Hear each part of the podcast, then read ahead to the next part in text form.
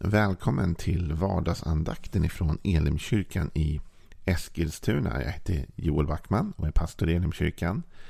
Vad roligt att du är med och lyssnar på den här andakten och tar del av det. Om du vill ta del av mer eh, information eller saker från oss så kan du gå in på elimkyrkan.com.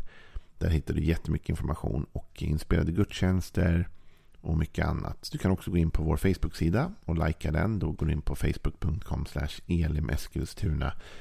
Eller så söker du upp oss på YouTube på Elimkyrkan där så hittar du oss. Kan du ta del av allt det som vi erbjuder från vår församling.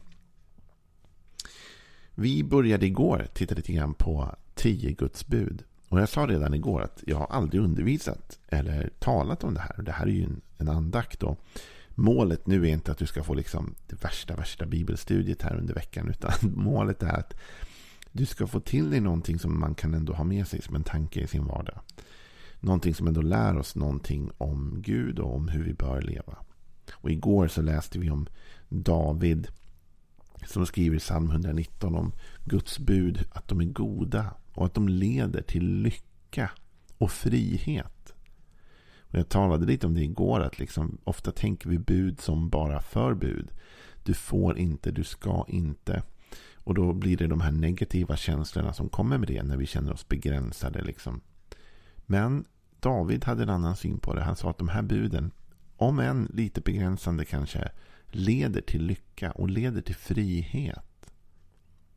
Så han hade ett annat perspektiv på det. Och jag tror att det är det perspektivet vi kommer uppleva. Att när vi faktiskt väljer att leva nära Gud så får vi uppleva de här och följa hans bud så får vi uppleva att det leder till något fantastiskt. Alltså det här är bud som är skrivna till vår fördel.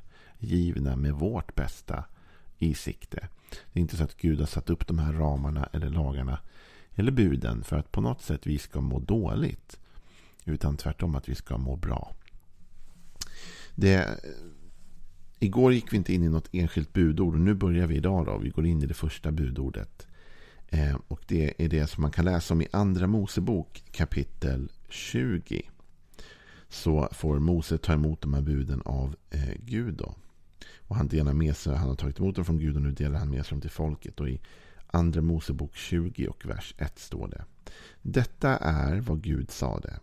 Jag är Herren din Gud som förde dig ut ur Egypten, ut ur slavläget. Du ska inte ha andra gudar vid sidan av mig. Det är det första budet som vi brukar säga i tio Guds bud. Du ska inte ha några andra gudar jämte mig. Och Gud börjar till att tala, tala till folket och påminner dem om relationen de har med varandra. Han säger, kommer ni ihåg? Det var jag som förde er ut ur slaveri. Det var jag som räddade er. Det var jag som kom in och bröt er loss från farao. Där ni hade varit fångad i 400 år. Men jag befriade er. Jag betvingade den här egyptiska stormakten. Liksom. Jag fick dem på knäna. Så att ni kunde komma ut. Med under och tecken och med verkligt stark hand så ledde Gud folket ut ur Egypten, ut ur slavläget. Så Gud har befriat dem. Och han börjar ändå med att nämna det. Jag, det är jag som har räddat dig. Och likadant tror jag Gud kommer till oss idag. Vi, vi lever ju inte i Gamla Testamentets tid. Vi lever ju i det Nya Testamentets tid. I det nya förbundet där Jesus Kristus enligt den, den kristna tradition och, och tron så har Jesus nu friköpt oss ur ett slaveri. Men ett annat slaveri. Va? Han har friköpt oss ur syndens slaveri. Ur det som var så brustet i oss människor så har Jesus kommit med helande och läkedom och fört vår relation tillbaka till Gud. Den brustna relationen. Han har återupprättat den och fört oss ut ur syndens slaveri. Så Jesus kommer till oss idag och säger lite samma sak. Alltså, ja, det börjar med att Gud har befriat oss. Det är ganska viktigt att ha med sig det perspektivet. För ibland kan man tycka så här. Ha, så Gud han kommer till mig och kräver att jag ska. Jag får inte ha någon annan Gud jämfört med honom. Nej, men först och främst kom han och räddade dig. Och Jag tror att det perspektivet måste vara med i ditt och mitt liv idag. Om vi ska leva efter de här buden som Gud ger oss så får vi inte glömma att han har räddat oss. Det är inte så att Gud kommer till bara ett random people någonstans och säger det här är massa bud ni måste följa. Utan Gud räddar ett folk ur en situation de absolut inte kan ta sig ur själva. Alltså, israelitiska folket var så kuvat i Egypten. De hade aldrig kunnat stå emot farao eller ta sig ut ur den situationen själva. Men då kommer Gud och befriar dem ur slaveriet. Och på samma sätt i det nya testamentet, nya förbundets tid, så har vi hamnat i en sån röra, du och jag, eh, med vårt liv i vår relation till Gud. Att vi kan inte reda ut detta själva. Vi kan aldrig rätta till den brustenhet som finns i den relationen. Eh, utan det behövdes att Gud själv klev in och gjorde detta genom Jesus Kristus och befriade oss ur det slaveriet. Så Gud har befriat oss. Det är det första. Men sen vill han också då ge oss de här levnadsreglerna eller tankarna för att förbättra vårt liv och förbättra vår relation med honom också. Han säger du ska inte, ska inga, inte göra, eh, du ska inte ha några andra gudar vid sidan av mig. Och då tänker jag så här, vi behöver inte komplicera saker så mycket ibland. Det Gud gör i början när han, när han säger jag befriade dig ur slaveriet. Det är att han lägger tonen för den relation vi har med varandra. Vi har en relation med varandra. Eh, och du vet, i en relation så behöver det finnas ett fokus. Jag är ju eh, gift till exempel. Jag har en fru. Och alla som har gift sig eller ingått den typen av relation. Eller kanske bara dejtar. Man har en flickvän, pojkvän. Men ändå liksom det, det, det här är vi liksom. Då vet man att nu behövs det ett fokus här. Jag kan inte nu i den här relationen liksom ha, stoppa in andra personer också va, på det sättet. Jag kan inte ha min fru och sen ha en till här bredvid. Va? Det är min fru och sen så helt plötsligt glider in en annan kvinna. Det blir jättekonstigt. va. Det kan också hända i, i, i vissa vänskapsrelationer. Man har en tät vänskapsrelation och helt plötsligt kommer det in andra personer som, som förstör den första relationen på något sätt. Egentligen är det inte märkligt att Gud säger jag vill inte ha någon annan här. Det är du och jag som har en relation. Det var jag som kom och räddade dig befriade dig. Och nu vill jag inte liksom att du tappar fokus på mig.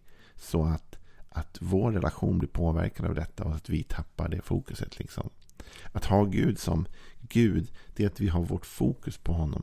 Han är den enda som får ha den statusen, den rollen, den platsen i vårt liv. Och om det kommer in saker som vill liksom hota det eller utmana det så säger vi nej tack, jag har valt här. För du vet, Gud räddade mig. Och det har blivit så mycket lättare när jag kommer ihåg det.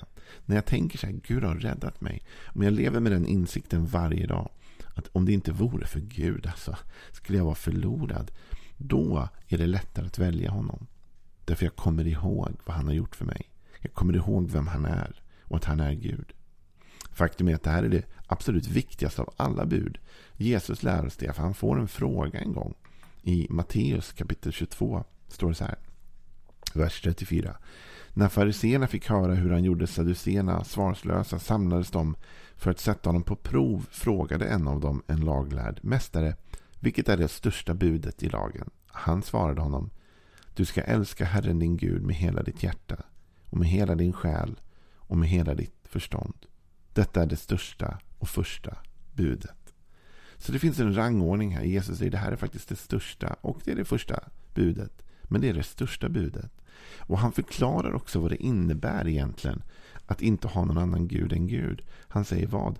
Du ska älska Herren din Gud med hela ditt hjärta och med hela din själ och med hela ditt förstånd. Med hela din varelse, med hela din kropp egentligen. Men du förstår, det här är ju likadant i en relation med någon i ett äktenskap. Du måste ju älska den personen med hela hjärtat. Och med själen och med förståndet. Förståndet är ju beslutet.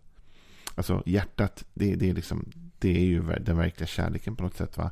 Själen, det är liksom ändå våra, våra tankar, vårt förnuftsliv och allt det här. Och, och våra känslor, absolut. Va? Men så kommer vi till förståndet. Förståndet är inte detsamma som våra känslor. Förståndet det är det rationella. Det är där jag, jag väljer att göra detta. Va? Det är de dagar man vaknar i en relation och så tänker man att jag är inte så särskilt, idag känner jag inte jättemycket positiva känslor för dig. Men jag har fattat ett beslut att det är vi två. Och jag fattar att det är upp och ner dagar. Eller jag fattar att det finns perioder av livet som går lite hit och lite dit. Och lite utmaningar. Men jag har valt dig. Och jag vet att det här kommer vända. Jag vet att det kommer bli bättre om vi jobbar på det. Eller vad som helst. Så man fattar ett intellektuellt beslut att inte ge upp. Och det är samma med att ha Gud. Va? Det finns dagar då, då våra känslor är så starka för Gud. För vi har upplevt någonting. Eller vi kanske var på ett möte som berörde oss. Eller det händer någonting och vårt känsloliv är verkligen on fire. De dagarna är det inte svårt att välja Gud som Gud och inte släppa in något annat. För det, då finns det bara Gud. För man är så upptänd av det här känslolivet. Liksom. Eh, och, och, och, det där kan bära en under ganska lång tid. Va? Och det finns andra dagar då, man, då, då det är mer rationellt tänkande då man faktiskt säger men okej, okay, det känns inte så mycket men jag har valt och jag vet vad han har gjort för mig. Det här logiken kommer in också. Det här man kommer ihåg, han räddade mig. Tänk inte överge honom nu bara för att det känns lite tungt. Tänk inte släppa in något annat här nu än Gud. Utan han får vara nummer ett i mitt liv. Han är det viktigaste. Du ska inte ha några andra gudar.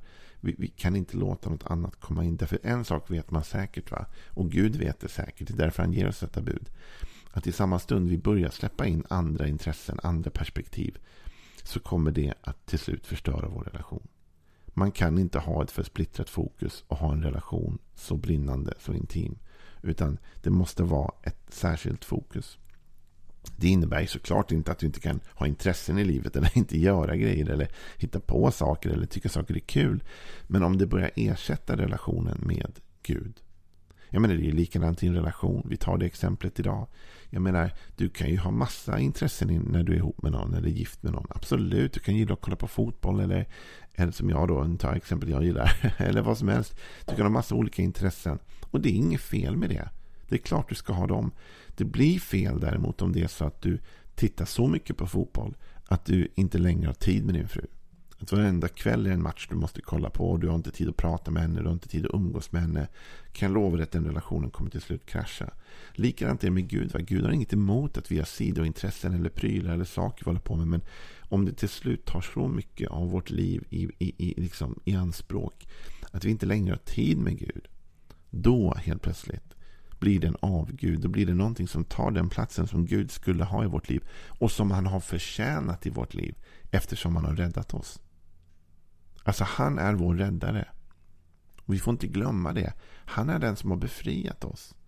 Gud kommer inte anspråkslöst in. Han kommer med ett anspråk därför att han har räddat oss. Han har befriat oss. Han har betalat ett oerhört pris. Ty så älskade Gud världen att han gav den sin enda son. Så Gud har offrat sin enda son för dig och för mig. Så han har rätt att komma till oss och säga nu är det viktigt att jag får vara en prio i ditt liv för jag har offrat så mycket för dig. Och det är helt klart att det är så. Så det handlar om perspektivfrågan. Det är inte fel att ha intressen, saker vid sidan av. Men det är fel att låta detta ta över för mycket. Gud måste få vara fokuset i vårt liv varje dag. Eh, vi själva kan bli en distraktion i detta. I Kolosserbrevet 3 och 5 står det Döda därför det jordiska hos er otukt, orenhet, lidelser, onda lustar och själviskheten, detta avguderi. Så här talar Paulus om att, att själviskheten blir ett sorts avguderi. När jag sätter mig själv som nummer ett, då blir det fel. Jag hörde en gång eh, en oerhört bra eh, teologisk reflektion. Jag tror det var Peter Halldorf som sa vid något tillfälle när jag hörde honom tala så han det är vår uppgift att tänka på Gud. Och det är Guds uppgift att tänka på oss. Alltså det är så i den här relationen. Att det är inte det att, att vi ska lägga allt åt sidan för Gud och så bara, nu får jag bara ha Gud för ögonen och liksom allt handlar om honom och han är fokus bara. Ja, på ett sätt borde det bli mer och mer mitt perspektiv. Men Gud å sin sida har lagt allt åt sidan för dig. Du är hans fokusområde. Så det är inte det att det inte kommer någonting tillbaka. va? Utan samma odelade uppmärksamhet som Gud vill att du ska ge till honom. Samma odelade uppmärksamhet vill han ge till dig. Och vi vet ju vad han har betalt för pris för oss. Vi vet ju vad han har betalt för pris för relationen med oss. Så då förstår vi att hans fokus är helt och klart oss. Och då uppmanas vi också att ha honom som fokus. Så det första budet är att vi ska inte ha några andra gudar jämte Gud. Vi får vara uppmärksamma på att vi inte släpper in något annat som tar hans plats eller äter upp hans position i vårt liv. Gud bör vara den första och den största platsen i vårt liv. Och för att vi ska kunna fatta det beslutet idag, för att du ska kunna fatta det beslutet idag och jag ska kunna fatta det beslutet att inte tappa bort fokuset på honom. tror jag att det är viktigt att vi kommer ihåg det han börjar med. Att han har räddat oss. Han har räddat dig. Glöm inte det idag. Utan sätt det i din tanke hela dagen. Gud har räddat mig. Då kommer du märka att det är mycket lättare än du tror att ha honom som fokus i ditt liv. Ha en riktigt välsignad tisdag idag.